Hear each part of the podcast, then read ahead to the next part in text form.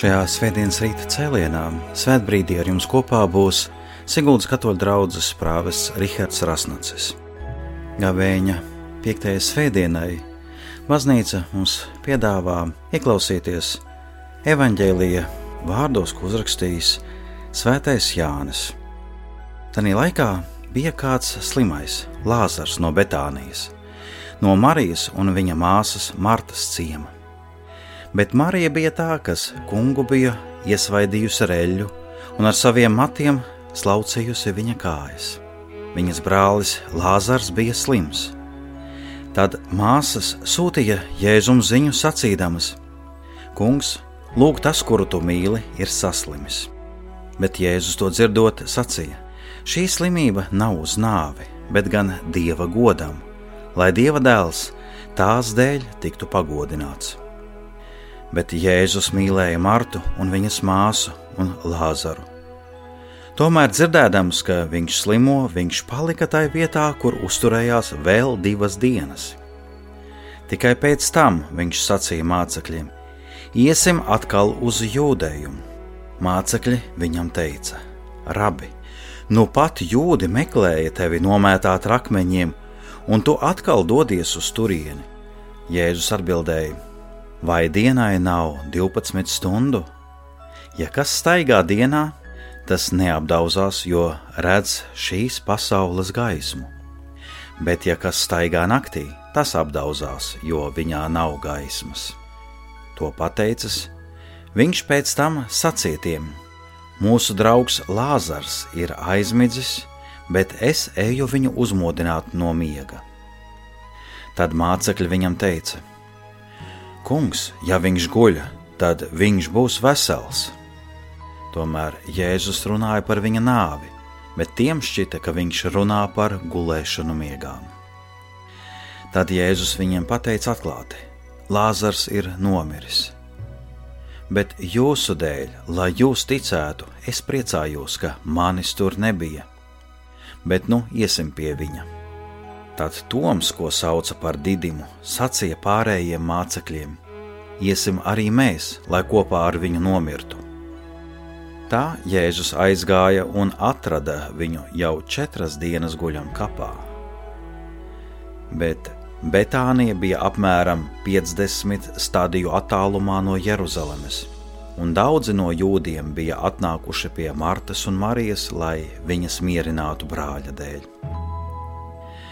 Kad Marta izdzirda, ka nāk Jēzus, viņa izsteidzās tam pretī, bet Marija sēdēja mājās. Marta sacīja Jēzum: Kungs, ja tu būtu bijis šeit, mans brālis nebūtu nomiris. Bet arī tagad es zinu, ka Dievs tev dos visu, ko vien tu lūgsi no Dieva. Jēzus viņai teica: Tavs brālis celsies augšā. Marta sacīja viņam: Es zinu, ka viņš celsies augšā, kad būs augšām celšanās pastarā dienā. Jēzus viņai sacīja: Es esmu augšām celšanās un dzīvība. Kas tic man, tas dzīvos, kaut arī būtu miris. Un ik viens, kas dzīvo un tic man, nemirs nemūžam. Vai tu tam tici? Viņa tam atbildēja: Jā, kungs, es allaž ticēju, ka tu esi Kristus, Dieva dēls, kas esi atnācis uz pasauli. To pateikusi, viņa aizgāja un paslepus pasauca savu māsu Mariju, sacīdama: Mācītājs ir šeit un tevi sauc. Bet tā to izdzirdusi steigšus piecēlās un devās pie viņa, jo Jēzus vēl nebija iegājis ciematā, un vēl atradās tai vietā, kur viņam pretī bija izteigusies Marta. Tad jūdi, kas bija pie viņas namā un viņu mierināja, Redzēdami Mariju steigšus pieceļamies un aizejam, sekoja viņai, domādami, ka viņa iet uz kapu, lai tur raudātu. Kad Marija nonāca tur, kur bija Jēzus, viņa ieraudzījusi to, nokrita viņam pie kājām un tam sacīja: Kungs, ja tu būtu bijis šeit, mans brālis nebūtu nomiris. Tad Jēzus redzot viņu raudam, un arī jūdus, kas bija atnākuši viņai līdzi, tika garā saviļņots un ļāvās aizkustinājumam. Un viņš jautāja, kur jūs viņu nolikāt? Tie viņam atbildēja, kungs, nāc un paskaties. Jēzus sāka raudāt, bet jūdi sacīja: Lūk, kā viņš to mīlēja! Bet daži no viņiem teica: Vai tad viņš, kurš atvēra acis aklajam, nevarēja izdarīt tā, lai šis nenomirtu? Bet Jēzus atkal sevī saviļņots piegāja pie kapa. Tā bija ala, un tai virsū bija uzlikts akmens. Jēzus sacīja: Noņemiet akmeni! Marta, nomirušā māsa, viņam teica: Kungs, viņš jau smako, jo četras dienas kā viņš jau kapā. Jēzus viņai sacīja: Vai tad es tev neteicu, ka redzēsi dieva godību, ja ticēsi?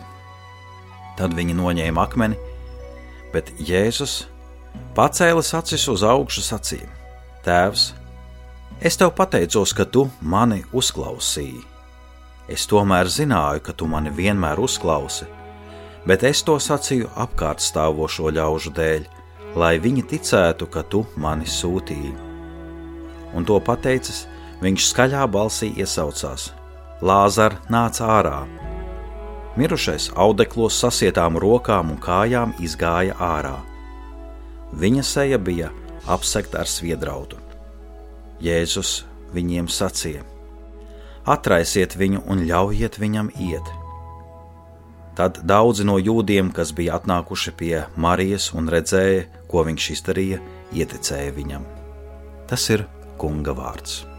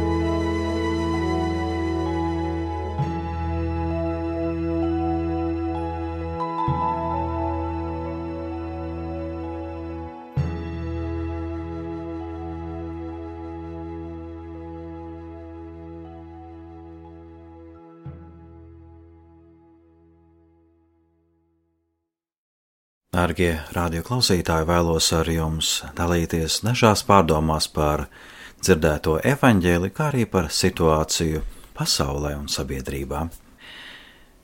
Vispirms atgādāju, ka tas, ko dzirdējām, ir apakstuļa Jāņa uzrakstīts. Viņš savā evaņģēlijā mums bieži mēdz rādīt tādus pretstatus, kā gaisma un tumsa, vai kā piemēram šodien, dzīvība un nāve. Un, tā viņš šķiet, ka tas ir vienkārši pretnostatījums, jeb alternatīva. Vai viens vai otrs. Bet patiesībā Jānis mums grib parādīt paradoksu. Proti, ka dzīvība nāvē atklājas. Tieši caur šo augšām celšanas brīnumu atklājās paradoks. Ka mēs varam atklāt dzīvību nāvē.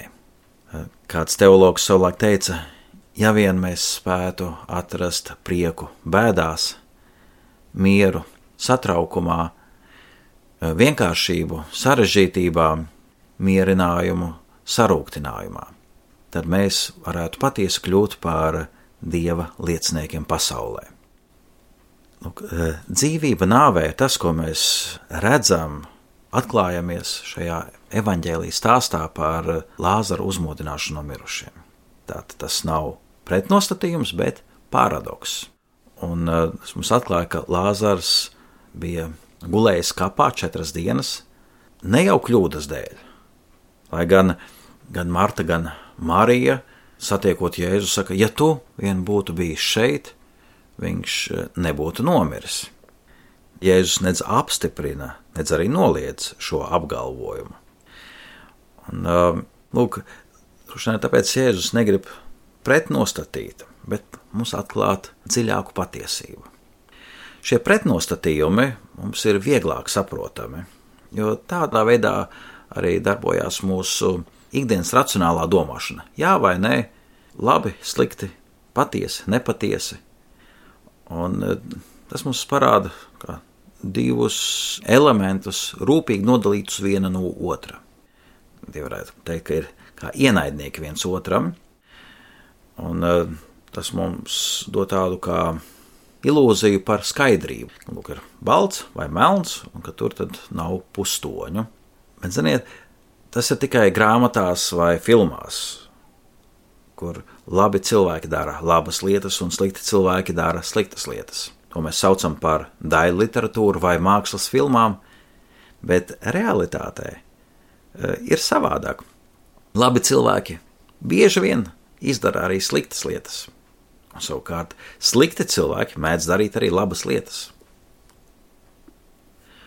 Un, e, tātad mēs nevaram to pilnīgi nodalīt. Un, e, ja visu dzīvē mēs tā gribētu sadalīt balts vai melns, un visu nolikt tādos pretstatos, tad tas būtu karš, nevis dzīvības evaņģēlijs. Jēzus mums sludina dzīvības evaņģēliju. Un, uh, viņš mēģina mūs iedrošināt, lai mēs nebaidītos no nāves.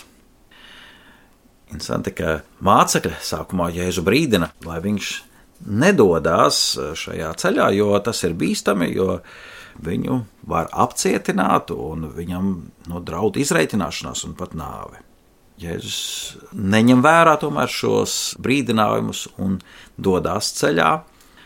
Un, uh, viņš atļaujās gan uh, sludināt publiski, lūk, viņš tad dodas arī pie Martas un Marijas uz viņu mājām, kur dzīvoja arī Lāzars, un kurš tagad ir miris. Viņš atnāk un jau četras dienas Lāzars ir kapā. Kāpēc Jēzus neatnāca ātrāk? Šis jautājums, uz ko mums ir grūti atbildēt, bet kas droši vien mums ir prātā. Skaidrs ir viens, ka Jēzus neatstāja savus draugus pārdzīvojumos vienus pašus. Viņš nāk, lai mierinātu sērojošos, jā, bet arī lai izdarītu brīnumu, kas kalpotu par liecību visiem cilvēkiem. Un pat šajā situācijā, kas ir bīstama viņam pašam, ka viņam vismaz draud arests, viņš tomēr uzdrošinās e, doties ceļā. Un šeit es gribētu vilkt kaut kādu paralēli ar to, kas mums ir šodien, proti, ka arī mums ir bīstami doties kaut kur, jo mēs varam saskarties ar vīrusu. Un Jēzus saka, ka sludināt evaņģēliju ir svarīgāk nekā būt drošam par savu dzīvību. Tā pašā laikā jā, mēs nedrīkstam būt viegliprātīgi attiecībā uz savu arī fizisko dzīvi. Un e, nedrīkstam nu, nevajadzīgi pakļaut briesmām savu veselību. Tomēr evaņģēlijas sludināšana stāv pāri tam. Ko tas nozīmē?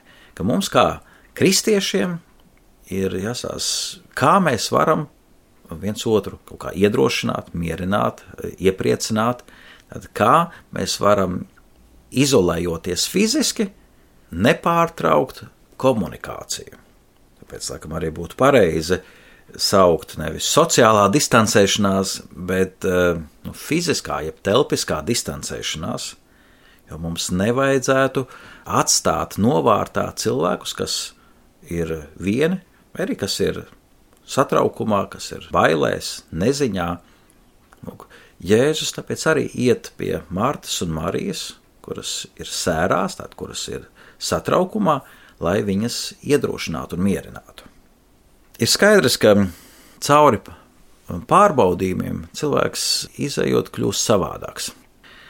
Nu, arī tas, ko dzirdējām evanģēlijā, ka Mārta un Marija pēc šī pārdzīvojuma par brāļa nāvi un pēc tam piedzīvojot augšām celšanos, piedzīvoja pārmaiņu Un vēl vairāk to mēs redzam pie cilvēkiem, kas bija klāt, to redzēja, un mēs lasām, ka viņi pēc tam ieticēja Jēzum, ka daudz ieticēja. Vai šodien sabiedrība ir gatava ieticēt, ja Jēzus parādīs savu spēku? Varbūt šis vīrusa izplatīšanās laiks ir tik ilgs, cik būtu nepieciešams, lai sabiedrība būtu nobriedusi ticības pieņemšanai. Padomāsim, lūksimies!